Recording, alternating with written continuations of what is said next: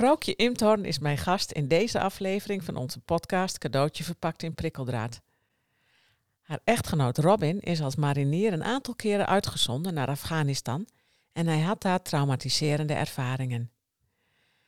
Na die ervaringen werd Robin stapsgewijs steeds negatiever, vaker kortaf en hij zonderde zich ook steeds meer af. Vrouwtje zag Robin veranderen. Uiteindelijk kreeg hij ongeveer tien jaar na zijn laatste missie de diagnose PTSS. Het was een hele heftige tijd. Robin kreeg uiteindelijk hulp, maar voor het thuisfront bleef deze uit. En hier moet meer aandacht voor komen, vindt vrouwtje. Door haar verhaal te delen wil ze iets betekenen voor partners van mensen met PTSS. In de podcast praten we onder andere over dat PTSS zich ontwikkelt als een sluipmoordenaar. Dat PTSS heel moeilijk uit te leggen is aan mensen die er geen ervaring mee hebben. Dat veel mensen er iets van vonden en met hun mening klaar stonden. Dat ze zichzelf en haar zelfvertrouwen kwijtraakte en hoe ze het toch volhield. Hoe een grens stellen voor beiden een wake-up call was. Welke hulp helpend was en welke niet. Dat hun relatie uiteindelijk verdiept is door de nare periode. En dat ze nu veel meer stilstaan bij de kleine geluksmomenten en ze weer echt kunnen genieten.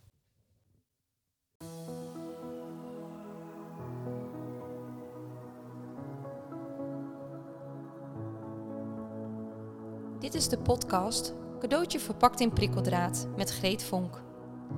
Moeilijke tijden zijn ook cadeautjes, hoe lastig ze ook zijn. Helaas zitten ze wel verpakt in prikkeldraad. In deze podcast willen we je inspireren en kennis aanreiken, waardoor je een andere kijk krijgt op de ellende van jezelf of van iemand anders. Met als uiteindelijk doel om een completere versie van jouzelf te worden en of om dat proces bij de ander te ondersteunen.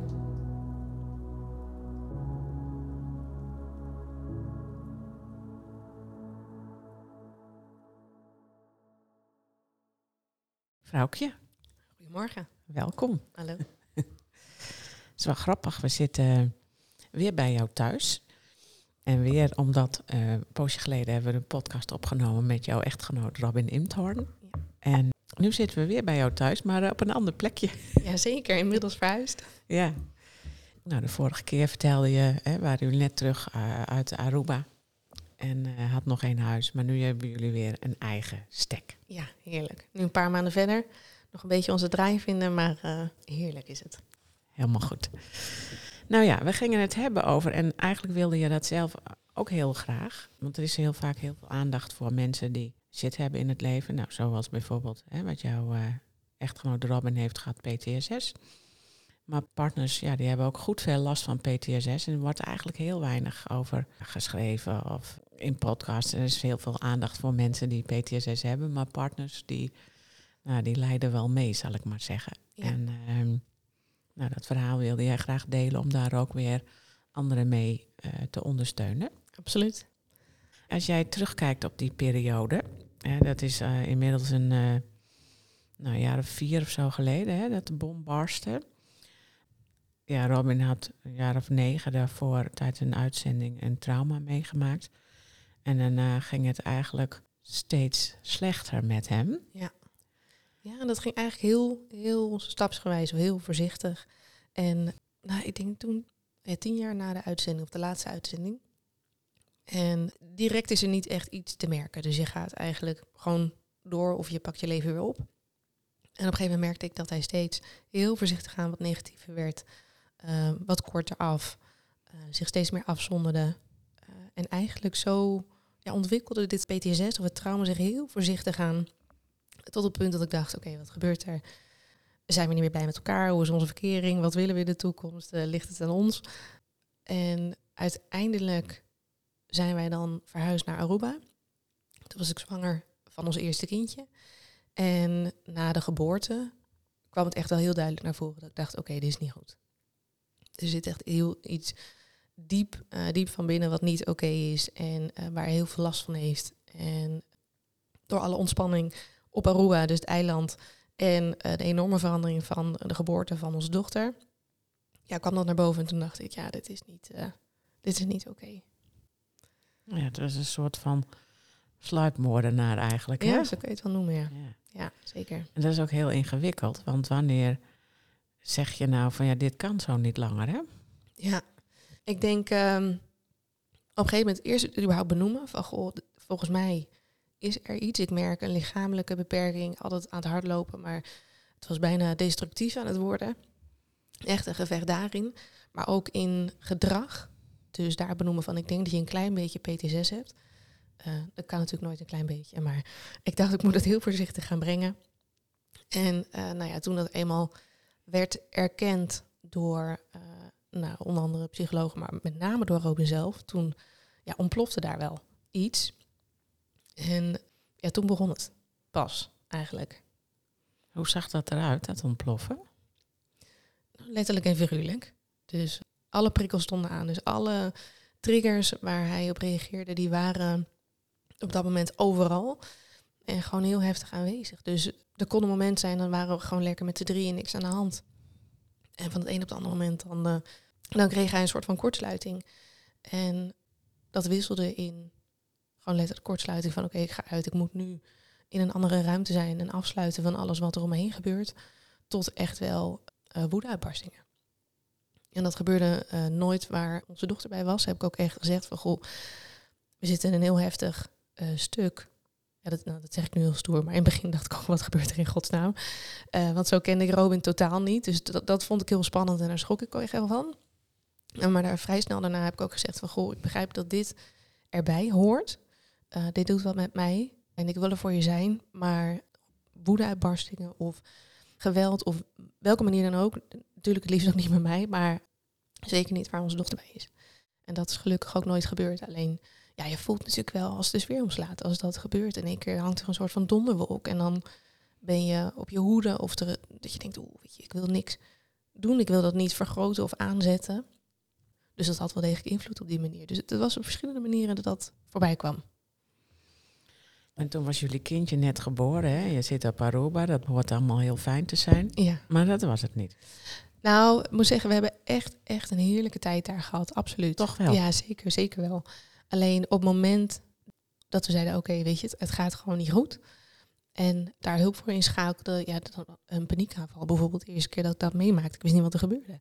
Robin zegt, vrouw, ik, ik, in mijn hart, ik ga dood. Dit gaat helemaal niet goed. En ik zag het ook gebeuren en ik zag de paniek. En Robin is mijn thuis, is mijn veilige haven. Als hij bij me is, weet ik, het komt allemaal goed. En op het moment dat hij daaraan gaat twijfelen of hij denkt, ja, het gaat niet goed. Of ja, daar had ik wel paniek van. Dat ik dacht, nee, maar als jij niet meer weet, wat, wat, wat gebeurt er nu? Dus de rollen veranderden daar wel in. En daarvoor hebben we ook de keuze gemaakt, oké, voor de hulp die je nodig hebt, moeten we echt wel terug naar Nederland. Dus het was heel heftig, weer eh, de verschuiving terug naar Nederland, omdat we het wel zeker lekker hadden daar en een ander plan hadden. We zouden natuurlijk langer gaan. En dan net met een klein kindje. Loan was acht weken toen, we, nou ja, toen ik het benoemde. En zes maanden toen we teruggingen. Dus het is het allemaal heel veel van alles wat. Alle emoties die erbij zitten. Dat is ook wel bijzonder eh, om zo je eerste kindje te krijgen. En dan heb je natuurlijk ook je ouders en familie en dat soort dingen niet in de buurt. Nee. Was dat nog extra heftig daardoor? Nou, heel eerlijk, ehm, dat weet ik niet. Dat, ik denk niet, eh, wat, wat ik merkte op het moment dat we terug waren in Nederland, dat het heel moeilijk uit te leggen was aan iedereen wat PTSS is, hoeveel verschillende gradaties je hebt, hoe dat zich uit, ehm, hoe dat werkt. En ik merkte ook, ik had helemaal geen tijd of geen ruimte überhaupt in mijn eigen hoofd om de emoties van iedereen anders daarin eh, nog mee te nemen. Dus alle vragen, maar ook wat iedereen vindt. Van, oh, dan zal hij wel, nou weet ik wel, op de bank slapen. Of eh, als hij maar niet eh, gewelddadig wordt. Of, nou, dat maakt het ook wel lastig. Iedereen die vond er wat van. En dat vond ik heel moeilijk om erbij te doen. Want ik dacht, ja, wacht even, ik ben versmoeder. Ik ben ook nog aan het bedenken, hoe gaan we dit oplossen? En hoe kan ik het beste Rowan helpen? Dus ik had daar ook geen ruimte voor. Wat maakt dat je een soort van afsluit. En eh, nou, als je dat lang genoeg doet, dan word je wel redelijk eenzaam. dus voor het idee zou het dan nog zo'n soort van lekker zijn dat je ergens op een eiland in een zonnetje zit dan eh, in Nederland eh, in dat opzicht. Maar nee, Ja, maar dat was dus eigenlijk je zou denken van nou, je hebt de support eigenlijk wel nodig als je zoiets pittigs meemaakt met z'n tweeën. Maar eigenlijk was het in, in jullie geval ook wel fijn om daar te zitten, want dan krijg je al die vragen niet die je moet beantwoorden en al die adviezen en al die. Nee, en uiteindelijk kwamen die natuurlijk wel hè, toen we naar Nederland uh, uh, kwamen. En iedereen heeft naar zijn beste weten gehandeld en, en geholpen. Maar wat je merkt is natuurlijk dat de meeste aandacht gaat naar Robin. Want hij heeft PTSS, hij heeft er last van, hij heeft hulp nodig, het gaat niet goed met hem. Dus de vragen die ik vaak kreeg, hoe is het met Robin? Met onze dochter. Uh, maar er werd in verhouding vrij weinig aan mij gevraagd hoe het ging. En dat, daar had ik wel last van, ja. Dat gaf dat gevoel van eenzaamheid. Uh, ja. En op een gegeven moment zei jij ook van, ja, begon ik me steeds meer klein te voelen en mijn zelfvertrouwen te verliezen. Ja, dat, dat brokkelt af natuurlijk. Hè. Als niemand, iedereen gaat goed op aandacht. En um, een stukje hoe is met je en even naar je luisteren. Oprecht luisteren. En uh, ik, zeg niet dat dat helemaal niet gebeurde hoor. Ik bedoel, ik sloop me ook echt wel bewust af. Dat ik dacht, ik trek dat gewoon niet erbij. Alleen alles bij elkaar maakte wel dat ik me afsloot en Robin mij ook buitensloot. Want hij kon het niet uitleggen. En, nou, dat was iets wat in zijn gedrag zat, wat daar ook echt wel bij hoorde. Ja, dan, dan voel je je wel heel erg eenzaam. En als je me lang genoeg eenzaam voelt, dan, uh, nou is de kans vrij groot dat dat uh, wat afbrokkelt bij je van binnen. En dat gebeurde ook echt wel, ja. Ja, dat is ook de reden waarom we deze podcast opnemen. Hè? Dat jij zegt van ja, er moet meer aandacht zijn voor mensen die partner zijn van iemand met PTSS. Ja. En wat je daar allemaal uh, in tegen kunt komen. En uh, wat dan wel werkt en wat dan niet werkt. Nou, daar hebben we nu meteen al een paar dingen van uh, voor het voetlicht gebracht. We gaan natuurlijk nog doorpraten over al deze dingen. Maar in die beginperiode, als je daar nu naar terugkijkt, wat zou je anders gedaan hebben als je achteraf gezien er naar terugkijkt? Nou, ik, ik heb natuurlijk toen wij net terugkwamen van Aruba gelijk hulp gezocht. Omdat ik dacht, ja, dit gaat echt wel heel heftig worden wat er nu gaat komen. Geen idee nog wat me te wachten stond. Preventief kan je daar niet zoveel aan doen. Um, ik heb natuurlijk zelf daar hulp voor gehad. En ik heb het ook al eerder in een andere podcast verteld. Maar ik denk wat ontzettend belangrijk is, is er wel over praten. En dan wellicht wel juist met degene die er ervaring in hebben. Dus of dat het lotgenoten zijn. Of al eerder ja, überhaupt het, be bespreekbaar maken. Um, dat is heel erg belangrijk. En achteraf was het voor mij heel prettig geweest als ik veel meer betrokken zou zijn geweest bij het uh, proces van Robin. Daar heb ik in het begin aangezeten en de bedoeling was ergens bij het eind ook nog. Nou, het einde is nooit geweest uh, door corona, uh, dus die afsluiting is überhaupt nooit geweest. En als ik terugkijk, ik nou, ben een enorme prater en kan heel goed dingen verwoorden en onderzoeken. Maar dat ben ik allemaal zelf gaan doen, waardoor ik ook echt wel een stuk tijdens de hele PTSS-periode, nou ja, het gedrag heb gestimuleerd. Dat ik dacht, ja, ik wil die prikkels niet, dus dat ga ik allemaal weghalen voor hem. Ik weet dat dit hem triggert, dus dat ga ik weghalen. En uiteindelijk was dat, nou, daar hielp ik hem absoluut niet mee. Dus als ik de tools had gehaald om te kijken, oké, weet je, wat helpt hem wat helpt ons, want het is natuurlijk super persoonlijk, in dit proces om te zorgen dat hij door dat trauma heen komt en dat ik ook mijn verhaal kan doen, maar dat we dat samen doen. Uh, want ik heb me heel eenzaam gevoeld, maar Rover natuurlijk ook. En dat is heel gek. Als je ja, samen bent, maar eenzaam. Ja, je bent nog maar net samen. Je, of nou ja, je was al een poosje samen, maar ja. dan heb je net een kindje. Dat is uh, geen roze wolkenperiode, dus absoluut niet. Nee. Was daar helemaal geen mogelijkheid voor om samen door dit traject te gaan? Hoe werkt zoiets? Nou, misschien wel. Alleen, er wordt bijna niet over gesproken. En uh, nou, als verse moeder voelde ik me sowieso heel kwetsbaar. Alle vragen van iedereen, je schaamt je ergens. En of dan het is voor het gedrag of dat je het niet kan uitleggen. Ik bedoel, hij is zo anders dan dat iedereen hem kende. Dus we kwamen terug van Aruba en er werd ook echt gevraagd, wat doet hij raar? Of, weet je, iedereen nou ja, wat ik zeg, die vindt er wat van. En wat is er? Waar heeft hij last van? Dat ik dacht, ja, ik weet het zelf niet. Hoe, wat moet ik hierop gaan antwoorden? Dus laat staan als je dan degene naast je die, uh, nou, die antwoorden niet kan geven. Weet je niet, is dit normaal? Hoort dit erbij? Kan ik hier met iemand over praten? Wat, wat zijn de mogelijkheden? Ja, normaal zou ik dat met Robin bespreken. Van hé, hey, wat, wat kunnen we doen? Alleen dat was niet bespreekbaar met hem. Dus ja, uh, daarin eigen keuzes gemaakt, geen idee. Standje overleven. Ja, precies. Jij ehm, kreeg ook te maken met mensen die er wat van vonden, hè? En die het gedrag van eh, Robin ook afkeurden en zo. Ja. Hoe was dat voor jou? Ja, lastig. Dat, dat is lastig, dat ook pijnlijk. Dat ik dacht, ja, weet je, ehm, ken je hem heel goed, ja of nee. Maar eh, ik hou van Robin en ik vind het ook heel onhandig wat er nu gebeurt. Alleen, ja, dit is niet wie hij is. En dat vind ik soms nog steeds wel lastig om uit te leggen. Hè, als hij bijvoorbeeld naar therapie was geweest, van oh, en dan gaat het nu wat beter met hem. Dan denk je, ja, het is geen visio waarin je proefdingen doet en dat je denkt, oké, het gaat weer. Het is echt een enorm proces met pieken en dalen en heel, hele diepe dalen. En dan probeer ik ook altijd wel uit te leggen, zeker nu, van hij kan er niks aan doen. Hij heeft een trauma opgelopen. Hij wil dit zelf ook niet. Het is het allerlastigste voor hem. En natuurlijk zijn omgeving, dus uh, nou, ik en uh, onze dochters in dit geval. En het is iets wat niemand wil. Maar hij is niet de PTSS. En op het moment dat ik dat nu zo uitleg, dan snappen ze dat dan meer. En dat natuurlijk, er is invloed op het gedrag. Wat doe je ermee? En zeker nu, dat is veel makkelijker. Als er iets gebeurt, maak bespreekbaar. Wat doe je ermee? Waar heb je wel invloed op?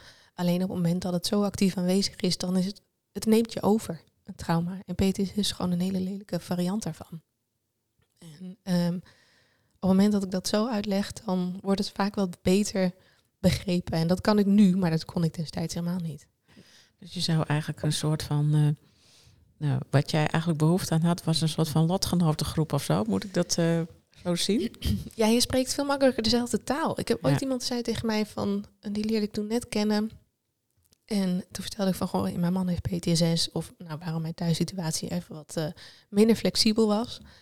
En die zei ook gewoon keihard, oh, dat is heftig. Nou, dat komt nooit meer goed, hè? En toen dacht ik, wat? Oh, wel, jawel, toch? Weet je, en, daar was ik zo van door mijn apropos. En ik dacht, ja, daar wordt zo naar gekeken. En dat dacht, je weet ook helemaal niks. Dus ik heb op een gegeven moment ook besloten om er geen waarde meer aan te hangen. Wat iedereen ook vond. En uh, zo dicht mogelijk bij mezelf te blijven en bij Robin. Wij weten wat er gebeurt. Wij weten wat we eraan doen zijn. Wat we ermee willen. En het maakt helemaal niet uit wat iedereen anders ervan vindt. Alleen dat was wel... Uh, nou, ik weet niet of dat ook hoort bij het, uh, ouder worden. Op een gegeven moment dat je denkt, het interesseert me niet zoveel meer. Maar dat hielp ons wel. Dat we dachten, oké, weet je, dit is ons pad. Wij gaan eruit komen. En wij doen wat wij nodig hebben om eruit te komen. En konden dat toen wat makkelijk van ons af laten glijden. Ja, dat zijn van die leermomenten die uh, ja. niet altijd fijn zijn, maar die wel veel heel waardevol op, die, die veel opleveren. Ja, zeker. Is er eigenlijk een lotgenotengroep? Nou, nee, je hebt natuurlijk wel onderdelen voor het thuisfront. Alleen niet actief op de, op de voorgrond. Dus het is niet dat je denkt, hè, er zijn, gelukkig daar is Robin natuurlijk nu heel erg actief mee, om überhaupt dit bespreekbaar te maken en te kijken voor nou, ieder die daar last van heeft, om uh, makkelijk elkaar te zoeken of hulp te zoeken. Doet hij dat dan ook voor partners?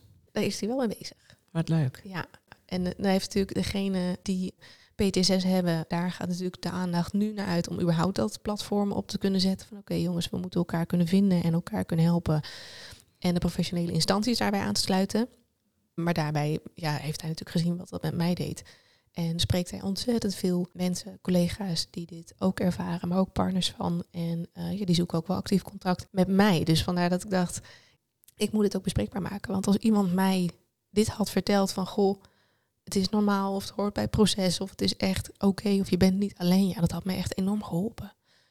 Dus ik hoop ergens nou ja, het andersom te kunnen doen voor iemand die daar naar luistert. Daar besteed je dus nu zo nu dan of veel aandacht aan. Hoe doe je dat? Wil je daar nog iets mee verder?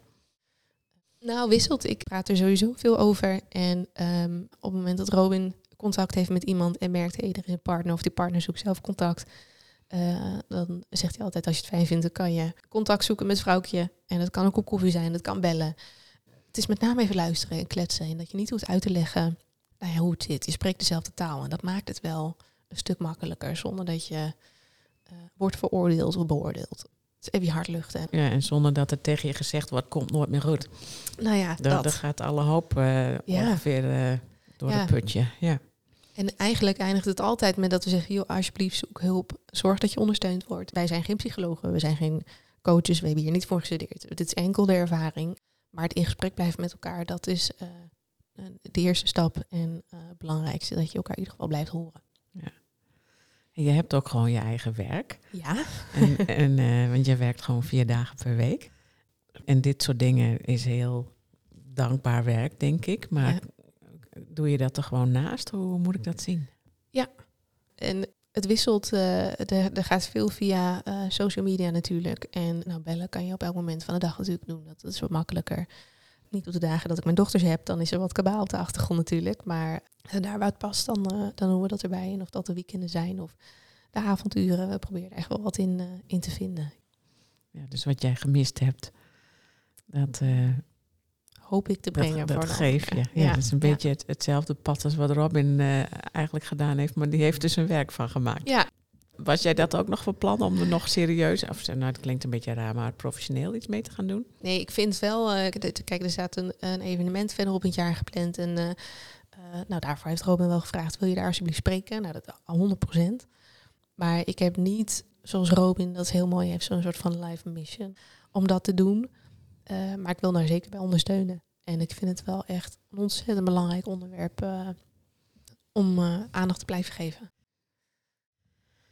Als jij nou zo terugkijkt op die periode, hè? helemaal in het begin, hadden we het net even over in het voorgesprekje, van dat het eigenlijk heel moeilijk is, omdat het zo'n sluipmoordenaar is, om te kijken van ja, wanneer heb je nou zo van ja, ik moet hier iets mee. Ja, ik denk met name, het is voor iedereen anders. En dus ik kan helemaal niet zeggen, let hierop of dan is het duidelijk. En ik ben geen psycholoog, ben geen coach, ik heb hier niet voor gestudeerd. Ik merkte alleen dat het gedrag zo anders was bij Robin dat ik dacht, ja, dit is niet oké, dus dit moet ik wel bespreekbaar maken. En ik heb gewoon al zijn gedragingen soort van bij elkaar neergelegd. En toen heb ik toch Google even geraadpleegd van oké, weet je, wat is hier aan de hand? En zou het PTSS kunnen zijn? Want ik had daar wel, weet je wel, de klassieke signalen van. En um, toen eigenlijk met alle andere signalen erbij dacht ik, ja, dit is zover. En um, ik moet wel zeggen dat ik heb echt wel momenten gehad dat ik dacht, oh, ik wou dat ik het nooit had gezegd. Ik wou dat ik het nooit had benoemd. Want? Omdat het zoveel shit naar boven bracht en zoveel ellende heeft gegeven en zoveel verdriet ook, dat ik dacht, ja, het is gewoon je kop in het zand steken, want het zit er. Maar het idee dat je denkt, oh, ik wou dat ik het nooit had gezegd, dan was dit er nu niet. Maar ja, zo werkt dat natuurlijk niet. En dan had het alleen maar erger geworden natuurlijk. Ja, vroeg of laat moet je dwars door de ellende heen. Absoluut. Ja. Dus dat zou alleen maar uitstellen zijn geweest. Maar dat is wel een, even een ultieme vluchtgedachte, zullen we maar ja, zeggen. Ja, ja. ja. Op een gegeven moment heb je ook een grens gesteld, hè? Ja. Wil je daar iets over zeggen? Nou, op een gegeven moment, er zat natuurlijk een kort lontje, vaak kort af. Het, het, was vaak extreem, laat ik het zo zeggen. Uh, het was dan in één keer klaar of boos. En ze zeggen vaak, degene van wie het meest houdt, die krijgt het dan te voortduren. Ik ben behoorlijk aan de beurt geweest wat dat er gaat. En um, op een gegeven moment was het meer een soort van boksbal. Dat ik dacht, ja weet je, je mag echt bij alles bij me terecht. Alleen, het is niet mijn schuld. Ik kan hier niks aan doen. Ik wil alles doen om je te helpen. Alleen ik krijg wel nu constant alle shit over me heen. En dat, uh, dat houdt nu wel een keer op. En je moet het ook wel gaan aanpakken. En uh, dat heeft hij overigens wel gelijk gedaan hoor. Alleen niet in de slachtofferrol gaan zitten. Het is echt, echt heel akelig wat je hebt. En ik vind het verschrikkelijk om je zo te zien. Alleen als je langer zo doorgaat, blijft er niks van mij over. Dus ik weet niet wat je wil, maar dan houdt dat op. Dan houdt ons huwelijk op. En dan neem ik onze dochter mee en dan ben ik gewoon, dan moet ik ergens anders naartoe. Voor veiligheid en welzijn van ons allemaal. En dat is wel een van de moeilijkste dingen die ik heb gezegd. Omdat, wat ik al eerder zei, Robin kon er niks aan doen dat hij dat trauma heeft gekregen. Maar wel wat je daarna mee kan doen. En ik merkte nu dat hij gewoon een beetje aan het schoppen was. En dat voelt heel tegenstrijdig. En wat ik zei, Robin is mijn thuis en je ziet je thuis instorten. En ja, dan wil je helpen, dan wil je er zijn.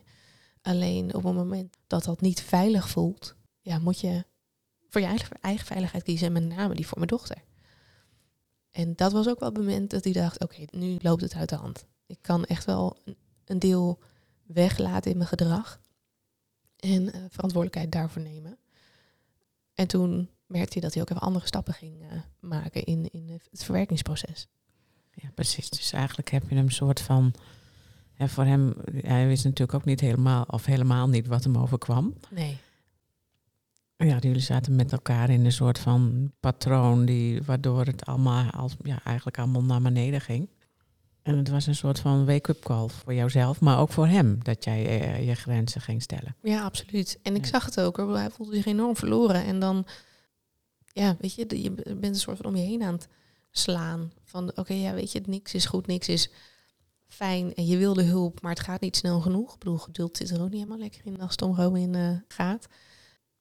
Dus daarin dacht hij wel, oké, trauma aan zich is al erg genoeg. Wat kunnen we nu nog doen? Wat ligt er wel minder invloed in gedrag? En eh, ja, dit werkt ook niet. En eh, nou ja, gelukkig zover dat hij realiseerde dat dat ook niet de bedoeling was. Dus dat is een heel naar gesprek, maar wel, nou ja, heeft voor ons wel goed uitgepakt, gelukkig. Ja, ik kan me goed voorstellen dat hier ook wel relaties door op de klippen gaan. Ja, tuurlijk. Ik bedoel, we hebben ook al meerdere malen aange- eh, afgevraagd, werkt dit nog wel, willen we dit nog wel? Gaan we hier ooit nog uitkomen in godsnaam? Zeker als toen het echt, ja, ik noemde het de actieve PTSS-periode, dat het zo heftig was. Maar ik denk dat het belangrijk is dat je daarom ook juist de hulp krijgt. Dat iemand het kan vertalen voor je, wat het proces is. Of ja, weet je, wat is normaal of hoe gaat een verwerkingsproces daarin. En dat je altijd met elkaar blijft praten. Eh, en die eerlijkheid hebben wij altijd wel gehad. Leuk of niet leuk, maar van joh, weet je, het is heel akelig wat ik nu ga zeggen. En zo had ik het helemaal niet bedacht met een klein kindje en dan eh nou PT6 of uit elkaar of wat gaan we in godsnaam doen.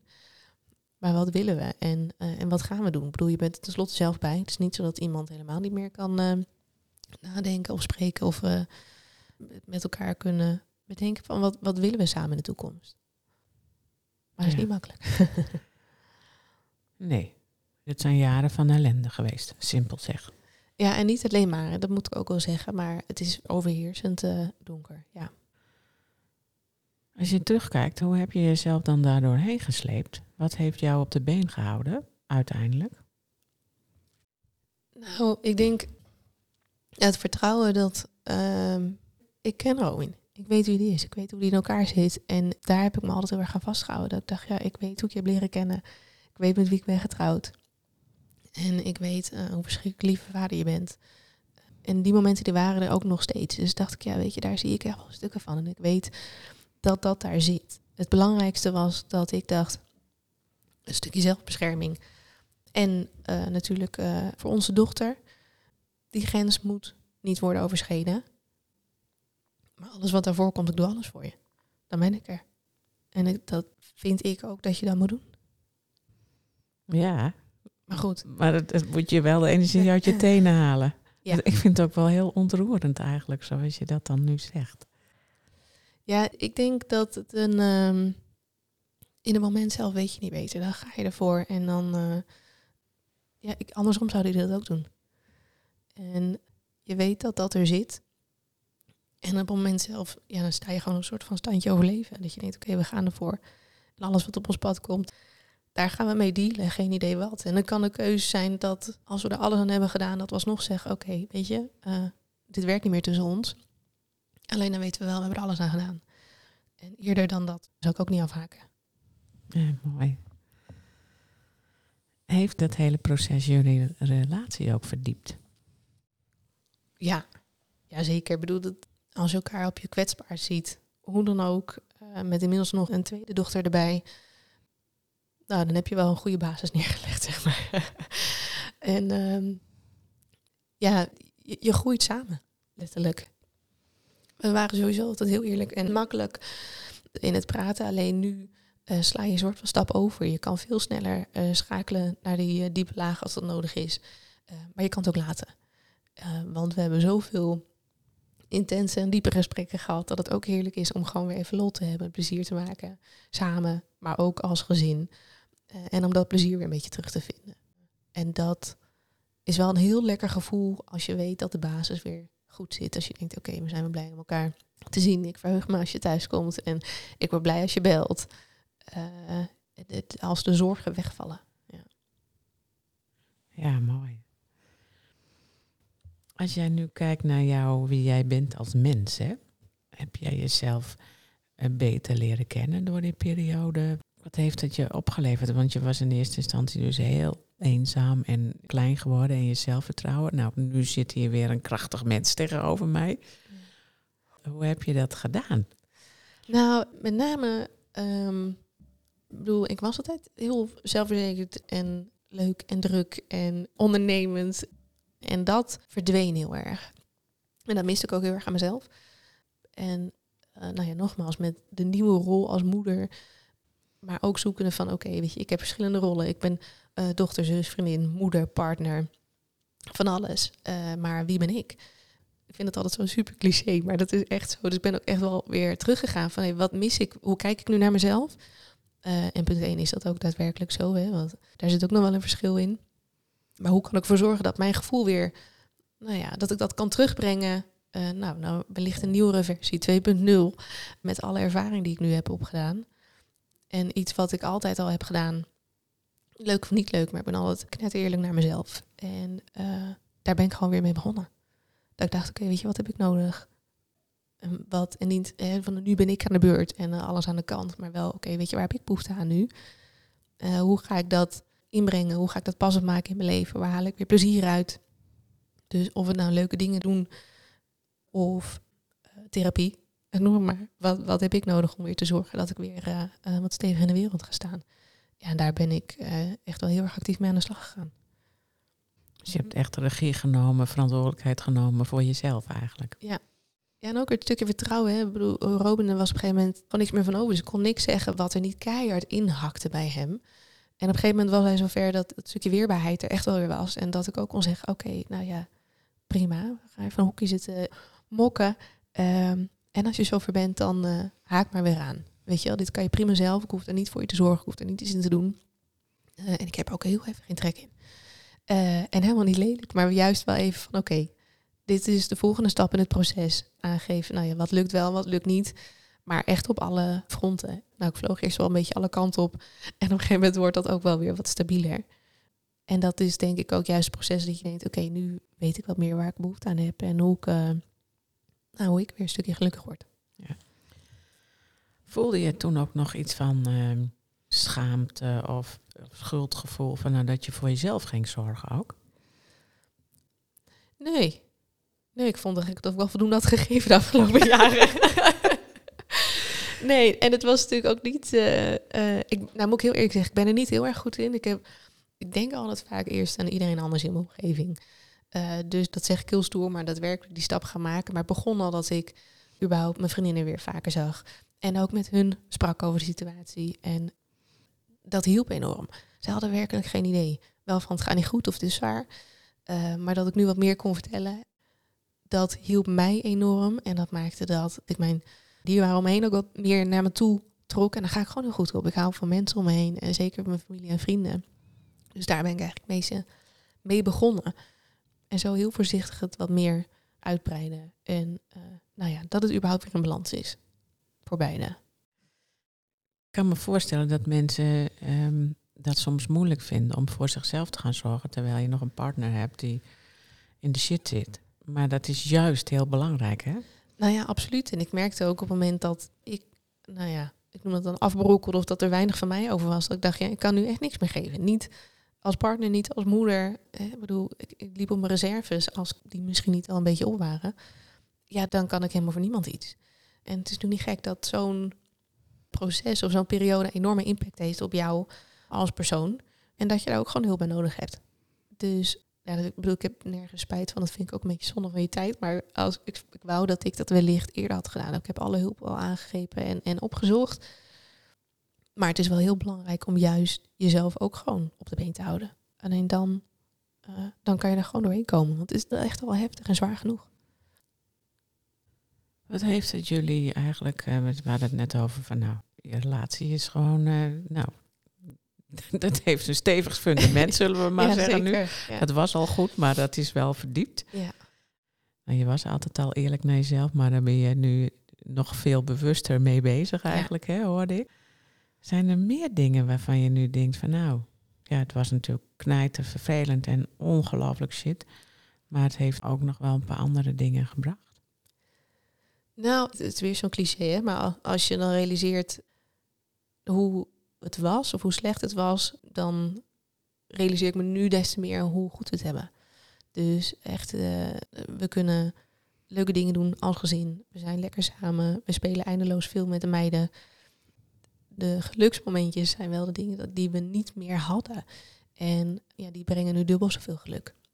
Ja. sta je veel meer bij stil? Ja, absoluut. Zeker met twee jonge kinderen. Je gaat in één rit door met alles wat er moet gebeuren. Van school tot snotneuzen, je eigen werk, het huishouden. Uh, en om af en toe even stil te staan dat je denkt, oh ja, maar we doen het nog wel samen. Er zijn echt momenten geweest dat ik dacht, gaan we het zo verhalen? Dus ja. Dat is dan wel heel indrukwekkend eigenlijk, hè? Iets wat zo nu en dan heel gewoon lijkt, maar dat dan niet is. Nee.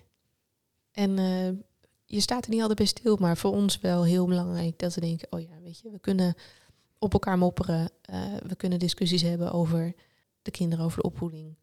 Over nu, maar ook over 15 jaar hadden we de laatste eentje hoe we dat zouden gaan doen. je kan er beter maar op tijd bij zijn. Uh, maar dat klinkt dan gek, maar er zijn tijden geweest waarvan ik dacht, nou, dat gaat niet meer gebeuren.